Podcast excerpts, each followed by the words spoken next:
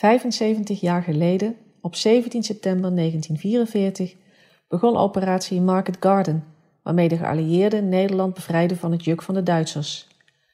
Rondom Eindhoven werd hevig gevochten in die dagen. De 36-jarige Piet Bauma woonde in Eindhoven, aan het Franklinplein, samen met zijn vrouw Tine en hun dochtertjes Emmy en Irene. Bauma, aan huis gekluisterd door multiple sclerose, zag de oorlog soms letterlijk aan zijn huis voorbij trekken. Hij beschreef zijn ervaringen in een brief aan zijn familie in Hilversum. Woensdag 20 september. Vandaag en gisteren trokken nog steeds van tijd tot tijd tankafdelingen van de Engelsen door, alle van het zuiden komend en in de richting Nijmegen vertrekkend. De West-Europese tijd is ingevoerd. De klokken zijn een uur verzet. Symbolische handeling die ons losscheuren van Midden-Europa, dit is Mofrika, illustreert. Geen oranje of rood-wit-blauw vertoon vandaag. Na de gebeurtenissen van gisteravond zou dat niet gepast zijn geweest en niemand was er ook toe in de stemming. Ikzelf voelde me buitengewoon lamlendig na de slechte nacht. Daar schijn ik op het ogenblik slecht tegen te kunnen. Maar een paar goede nachten doen me dan vrijwel herstellen.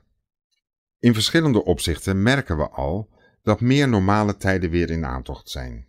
Vandaag kwam tot ieders verbazing de elektrische spanning weer, dankzij Philips. En ook de waterleiding functioneerde weer min of meer normaal. Helemaal heeft de watervoorziening niet gestopt, maar het is enkele dagen toch zo geweest dat alleen uit het aftapkraantje in de kelder wat water druppelsgewijs was te verzamelen. Waarschijnlijk was het gebrek aan druk te wijten aan het uitvallen van elektrische pompen. Met het gas is het nog hopeloos en dat zal nog wel geruime tijd duren. Er doen weer wilde geruchten de ronde. Omsingeling van Den Haag door parachutisten, eerste geallieerde tanks in Amsterdam enzovoort. Maar zij worden weldra tegengesproken.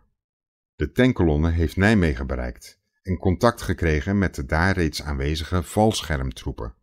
Dat klinkt verstandiger en wordt ook bevestigd door de gebeurtenissen van vanmiddag, toen we weer honderden en honderden Engelse transportvliegtuigen, ditmaal erg laag vliegend, en precies over Eindhoven zagen passeren.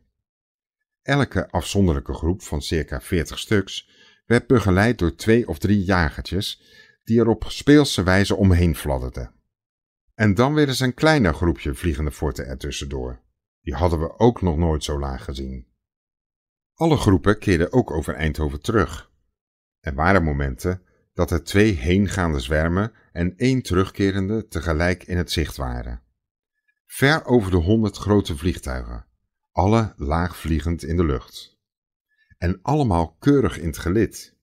Het schouwspel dat de Duitsers ons op 10 mei 1940 in de vroege morgen leverden, was er niets bij. Uit de richting en de tijd die ze ervoor nodig hadden om terug te keren, maakten we op dat ze waarschijnlijk valschermtroepen voor de omgeving van Arnhem bevatten, hetgeen door latere berichten bevestigd werd. De Amerikanen zijn druk in de weer om het verwoeste vliegveld weer in orde te maken. Het schijnt daar Amerikaans toe te gaan, in plaats van de middeleeuwse methodes die de Duitsers in dergelijke gevallen toepasten, namelijk met duizenden dwangarbeiders met schopjes, rukken de Amerikanen met geweldige machines uit.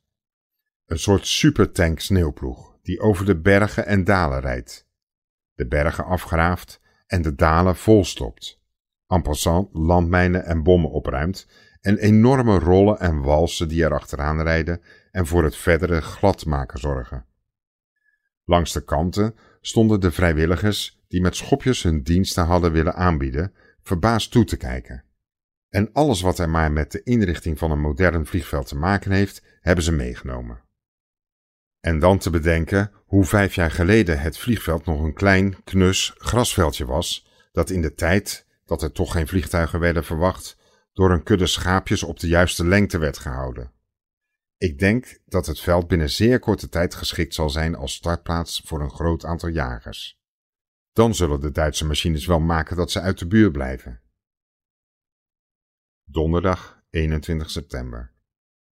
Na een rustige en goed doorslapen nacht, waarin we het uur tijdwinst verdisconteerd hebben, ging Tine er al vroeg op uit om wat melk te bemachtigen bij de boeren, waarin ze dan ook slaagde.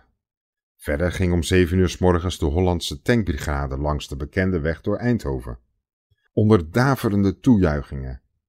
Uit mijn bed kon ik horen dat het gejuich het lawaai dat de tanks maakten overstemde. Het leek wel of er telkens een goal werd gemaakt in de good old times van Han Hollander.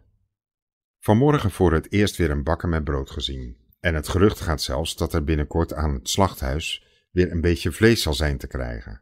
Smiddags gingen weer enige troepen transportvliegtuigen over, waarschijnlijk met versterkingen voor de troepen bij Arnhem. Op de terugweg zaten er helaas een paar Duitse jagertjes tussen. Door het laaghangende wolkendek konden ze blijkbaar ongezien naderbij komen en naar beneden duiken. Het gevolg was dat een der geallieerde toestellen geheel brandend over onze buurt kwam vliegen, om enkele ogenblikken later bij het park neer te storten. Een ander vliegtuig, dat blijkbaar ook geraakt was, kwam zeer laagvliegend op één motor over. We zagen de andere propeller stilstaan en heeft waarschijnlijk later een noodlanding moeten maken op de hei. Goed nieuws uit Nijmegen. Waalbrug onbeschadigd in geallieerde handen. Ze trekken verder richting Arnhem.